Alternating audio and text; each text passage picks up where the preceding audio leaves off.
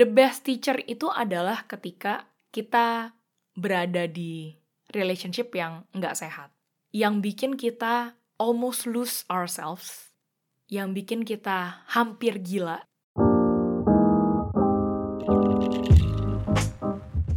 Ada beberapa pertanyaan di sekitar teman-teman gue dan juga yang terjadi di DM-nya Abjad tersirat gitu ya yaitu kalau misalnya kita uh, harus menemukan diri sendiri dulu nih baru cari pasangan sampai kapan kita tahu kita udah cukup siap untuk akhirnya berkomitmen dan berbagi hidup sama si pasangan kita ini Cuma sebelum kita mulai, gue mau ingetin kalian dulu bahwa kalau lu menikmati episode-episode dari podcast Abjad Tersirat, jangan lupa untuk kasih rating di Spotify untuk podcast Abjad Tersirat.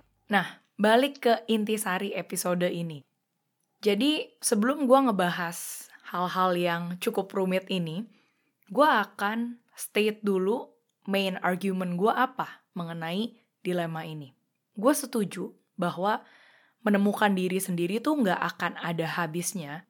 Tapi menurut gue ada satu titik kesiapan untuk kita bisa berbagi hidup sama pasangan kita for a long term gitu ya, for a long term commitment. Um, yaitu ketika kita udah punya skills on learning how to learn. Semua orang datang dari sistem edukasi yang berbeda dan sayangnya sistem edukasi kita di Indonesia adalah sistem edukasi yang nyuapin murid gitu. Jadi kita enggak di-encourage untuk berpikir sendiri, berpikir mandiri dengan pikiran kita, enggak distimulasi untuk berpikir kritis. Jadi menurut gue nggak heran ya, saat kita udah makin dewasa, ini nggak cuma impact ke cara kita bekerja gitu, di kantor atau di mana pun lu kerja, tapi juga di cara kita berinteraksi di dalam relationship kita jadi nggak terbiasa untuk mengkaji ulang advice-advice yang kita pernah dengar tentang relationship dan coba pikirin itu baik-baik secara logika gitu atau dengan critical thinking.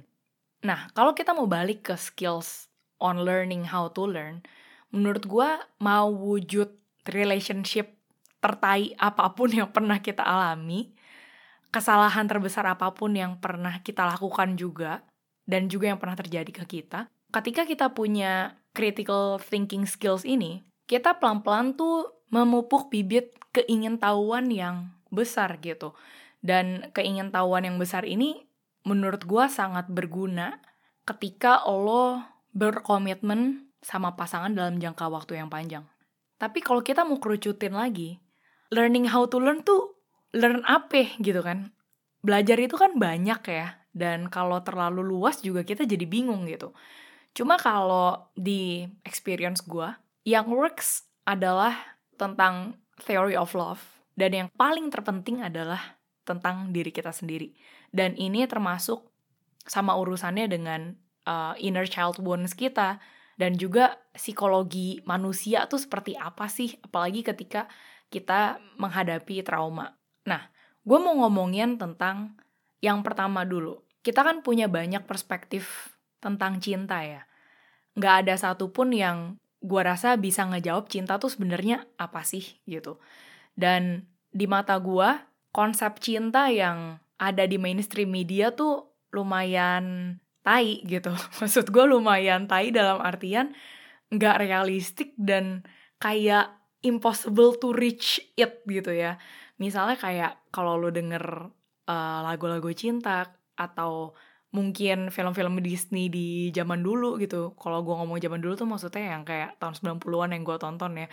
Um, itu rata-rata kayak menggemborkan konsep cinta di mana cinta tuh adalah momen kita melebur jadi satu sama orang yang kita sayang.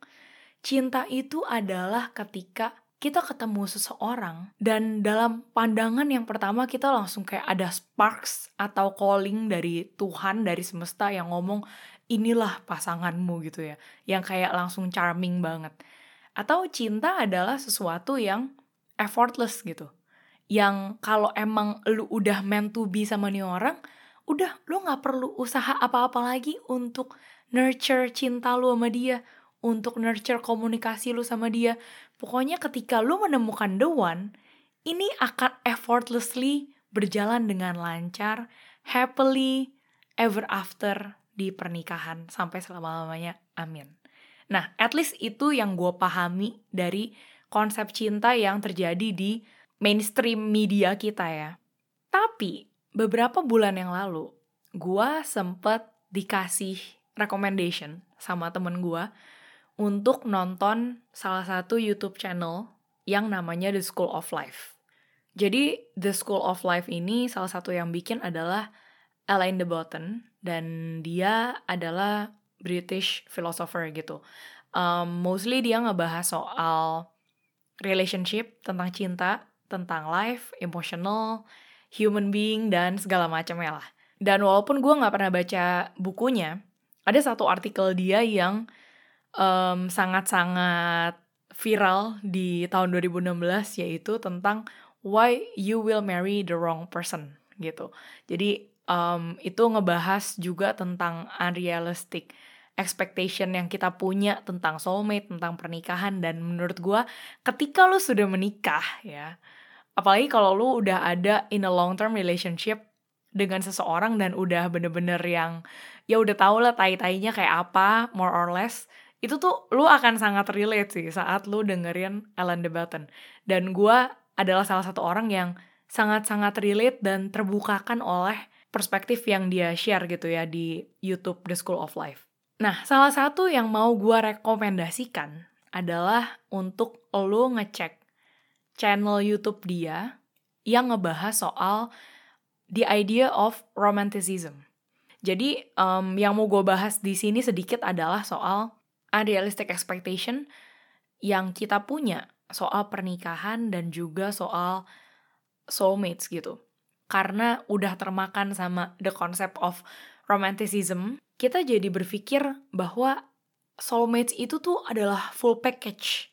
Itu udah harus jadi, dia bisa jadi teman baik kita, bisa jadi kakak kita, bisa provide stability, bisa provide sex life yang great banget, at the same time setia, at the same time bisa menghilangkan loneliness kita, dan pokoknya kayak full package ya. Dan Ellen juga ngebahas gitu bahwa tentang pernikahan atau relationship itu sendiri, salah satu ekspektasi yang paling tidak realistis adalah ketika kalau emang kita bener-bener sayang sama orang, ya kita nggak perlu komunikasiin apa-apa ke orang ini kalau kita butuh sesuatu gitu. Toh kita kan katanya udah love each other, meant to be for each other. Mestinya lu bisa baca pikiran gue dong, gue seperti apa gitu. Nah, selain itu argumen dia juga dia sempat ngomong ketika kita memilih untuk commit with someone, kita udah bisa identify gitu hal-hal partikular apa atau hal-hal tertentu apa yang kita tahu nih ini kayak anjing ini suffering juga ya. Kayak maksudnya aduh nih hidup sama nih orang anjingnya bakal begini nih gitu.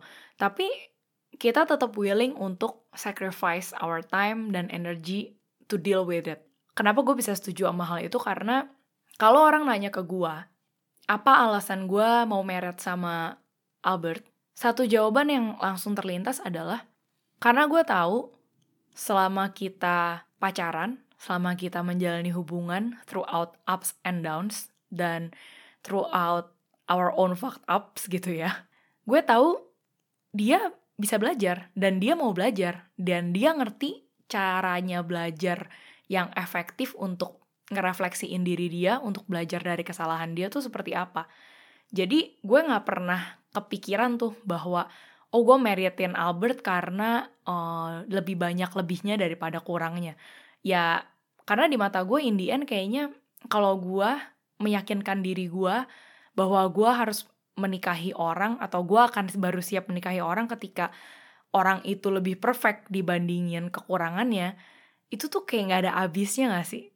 I mean, you'll never know orang itu tuh siapa until lu bener-bener spend the rest of your life with this person gitu. Selama pacaran yang bisa lo lakukan ya hanya meraba-raba aja gitu in the end.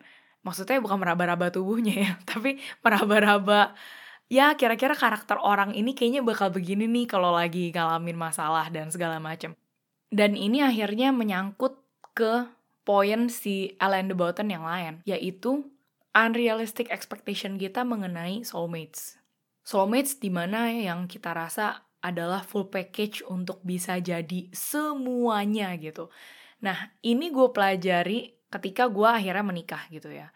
Karena saat gue menikah, gue baru sadar bahwa, oh iya ada beberapa hal yang eh, nggak uh, jadi interest suami gue ya, tapi gue interested untuk ngobrolin itu. Atau ada beberapa hal yang ternyata nggak seseru ini ya kalau misalnya gue ngobrolin sama dia. Jadi akhirnya selama gue menikah, barulah gue bisa mengikis ekspektasi yang unrealistic itu yang gue taro mungkin secara nggak sadar even ke diri gue sendiri dan juga ke diri pasangan gue dan di situ akhirnya gue pelan-pelan menerima bahwa kita harus coba undo expectation itu gitu kita harus coba challenge lagi idea apa yang kita punya tentang soulmates tentang pernikahan itu sendiri. Karena kalau enggak, kalau kita kemakan sama hal-hal yang tidak realistik ini, ujung-ujungnya cuma kita doang yang kesiksa gitu dan kita malah feel even more lonely ketika menikah dibanding sebelum kita menikah gitu. Dan gue mau lanjut ke poin yang berikutnya, yaitu learning how to learn about ourselves. Satu hal yang perlu banget kita pelajari dari diri kita dan akan lebih baik lo pelajari sebelum lo berkomitmen sama orang adalah uh, belajar tentang luka batin yang terjadi di masa lalu lo. Entah itu luka batin yang terjadi karena uh, masalah keluarga atau mungkin lo dibully di sekolah atau mungkin pernah ngalamin sexual harassment di di lingkungan pertemanan lu ya gue nggak tahu lah ya maksudnya luka orang kan beda-beda dan gue inget ya titik saat gue sadar bahwa wah kayaknya gue banyak emotional baggage yang mesti gue unpack nih adalah ketika gue meledak gede banget ke Albert saat dia bercandain gue satu hal. Itu terjadi kayaknya around 6 atau 7 tahun yang lalu lah, gue lupa. Tapi intinya kita ngomongin hal nggak penting sebenarnya. Pokoknya knowledge tentang politik whatever shit lah ya. Terus di saat itu Albert cuma bilang kayak gini doang. Ya lu anak politik masa nggak tahu kayak gitu doang. Dan walaupun gue nggak inget the exact words yang gue bilang ke Albert ya, cuma intinya adalah gue berkali-kali kayak teriak ngomong, lu pikir lu siapa? Lu pikir lu lebih pinter dari gue apa gitu-gitu dan kayak feeling yang terkencang yang gue berasa di situ adalah humiliation. Itu tuh kayak jadi apa ya? Jadi kayak trigger besar yang baru gue sadari di saat itu gitu. Dan karena kejadian itu, gue akhirnya jadi trace back gitu loh. Berkali-kali kayak, apa sih yang bikin ini jadi trigger gede banget buat gue ya? Kenapa ya? Dan akhirnya berkat gue ke psikolog dan juga berkat banyak buku yang sudah gue baca gitu ya. Terus juga latihan meditasi dan gue memaksakan diri untuk rutin nulis jurnal. Especially ada platform Abjad Tersirat ini tuh ngebantu gue banget gitu ya. Untuk akhirnya menyadari bahwa ketika gue kecil, gue tuh sering banget di uh, bully gitu.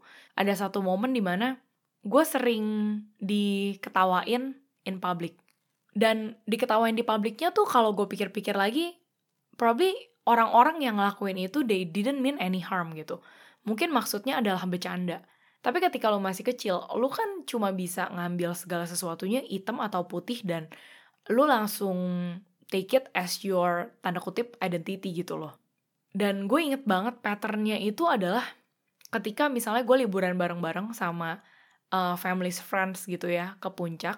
Terus abis itu gue kan uh, anak paling kecil dari empat bersaudara. Jadi biasa tuh gue main sama anak-anak yang udah agak gede lah. Terus kan mungkin ya mungkin anak kecil kan ya polos, terus bisa jadi they just say whatever that they want to say. Abis itu kalau ngambek ya ngambek aja gitu kan dan dan mungkin itu akhirnya mengganggu si anak-anak yang udah agak gede ini untuk bermain. Jadi many occasions di mana gue kayak pura-pura diajak main terus nggak taunya gue ditinggal. Abis itu gue pura-pura diajak main, terus nggak taunya gue dibiarin aja sendirian di pojokan main sendiri gitu. Kayak pokoknya kayak dikucilin gitu. Dan kalau gue ngambek dan gue nangis gue tuh pasti nggak bener-bener diladenin gitu. Gue malah ujung-ujungnya dibecandain karena gue ngambek padahal gue bener-bener feel hurt. Dan momen yang gue inget adalah ketika pas gue ngambek di villa itu gue kunci pintu terus gue ketiduran. Jadi gue nangis sambil ketiduran dan nggak taunya gue tuh ngunci pintu salah satu kamar utama di mana orang-orang emang pada mau tidur di sana gitu. Dan di saat itu tuh gue tuh dibanguninnya sambil kayak ditimpuk-timpuk pakai timun atau sendok atau whatever gitu lah pokoknya dipakein benang. Jadi kayak dibikin pancingan dari jendela gitu terus gue diiseng-isengin gitu.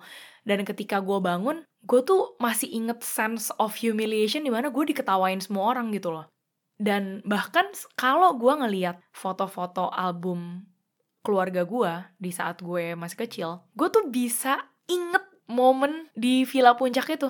Mana yang gue lagi dikucilin, mana yang sebelum gue ngambek, ini happennya apa aja, dan itu sengelotok itu, tapi baru bisa gue proses, baru bisa gue artikulasi ketika gue udah gede. Dan itu kejadiannya ketika pasangan gue tidak sengaja men-trigger luka itu gitu loh. Nah, itu aja baru satu hal ya, di mana itu tentang humiliation and the feeling of shame gitu. Gimana soal luka-luka yang lain? Misalnya yang terjadi di keluarga, bokap gue selingkuh, dan akhirnya gue jadi ada trust issue, dan gue inget ada beberapa komen apa ya menurut gue yang cukup ugly ya yang mungkin secara pasif agresif gue kasih ke pasangan gue gitu. Yang mungkin secara nggak sengaja mau menuduh dia berselingkuh atau tertarik sama orang lain atau gue jealous tapi gue nggak ngutarain dengan baik-baik. Dan menurut gue kayak kalau gue nggak bener-bener punya skills untuk belajar dari inner child wounds gue itu gue akan dengan mudahnya selalu proyeksiin itu ke pasangan gue dan kalau misalnya mau dilihat dari surface gitu ya, orang tentu aja bisa bilang ya wajar lah lu kayak gitu.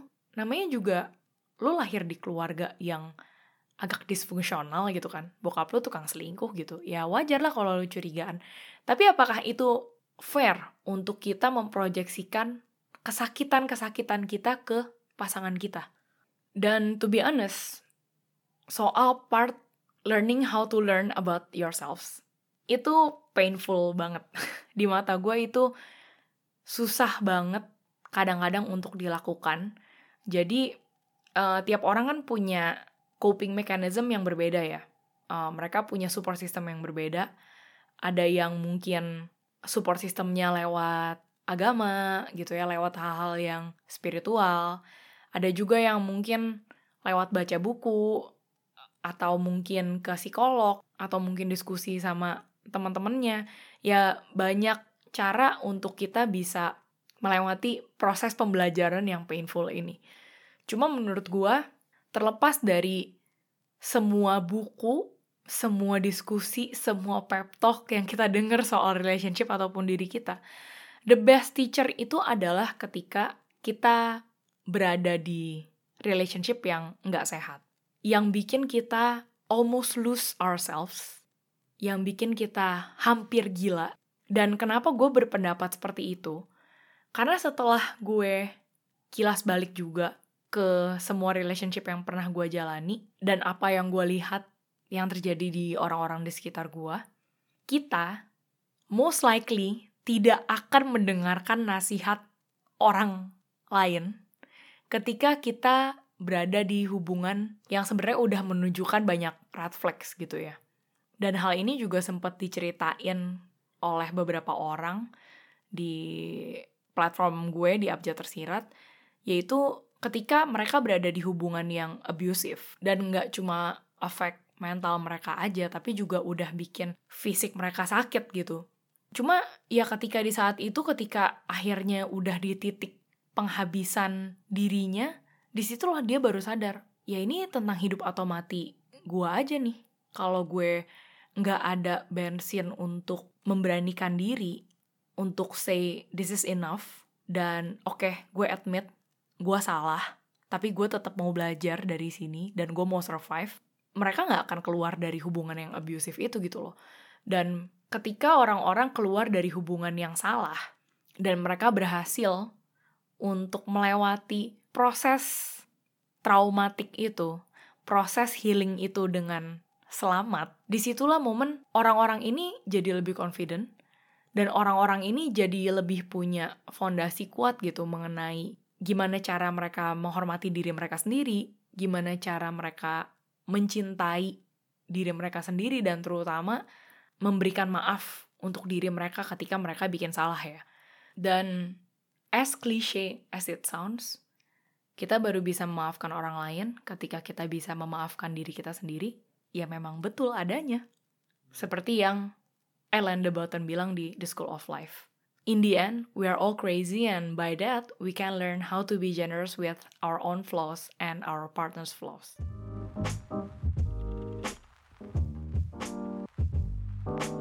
Kesimpulannya adalah, yes, kita harus nemuin diri kita dulu dan tahu jelas mengenai posisi kita soal empat hal, yaitu pandangan kita tentang love, marriage, pandangan kita tentang soulmates, dan who we really are.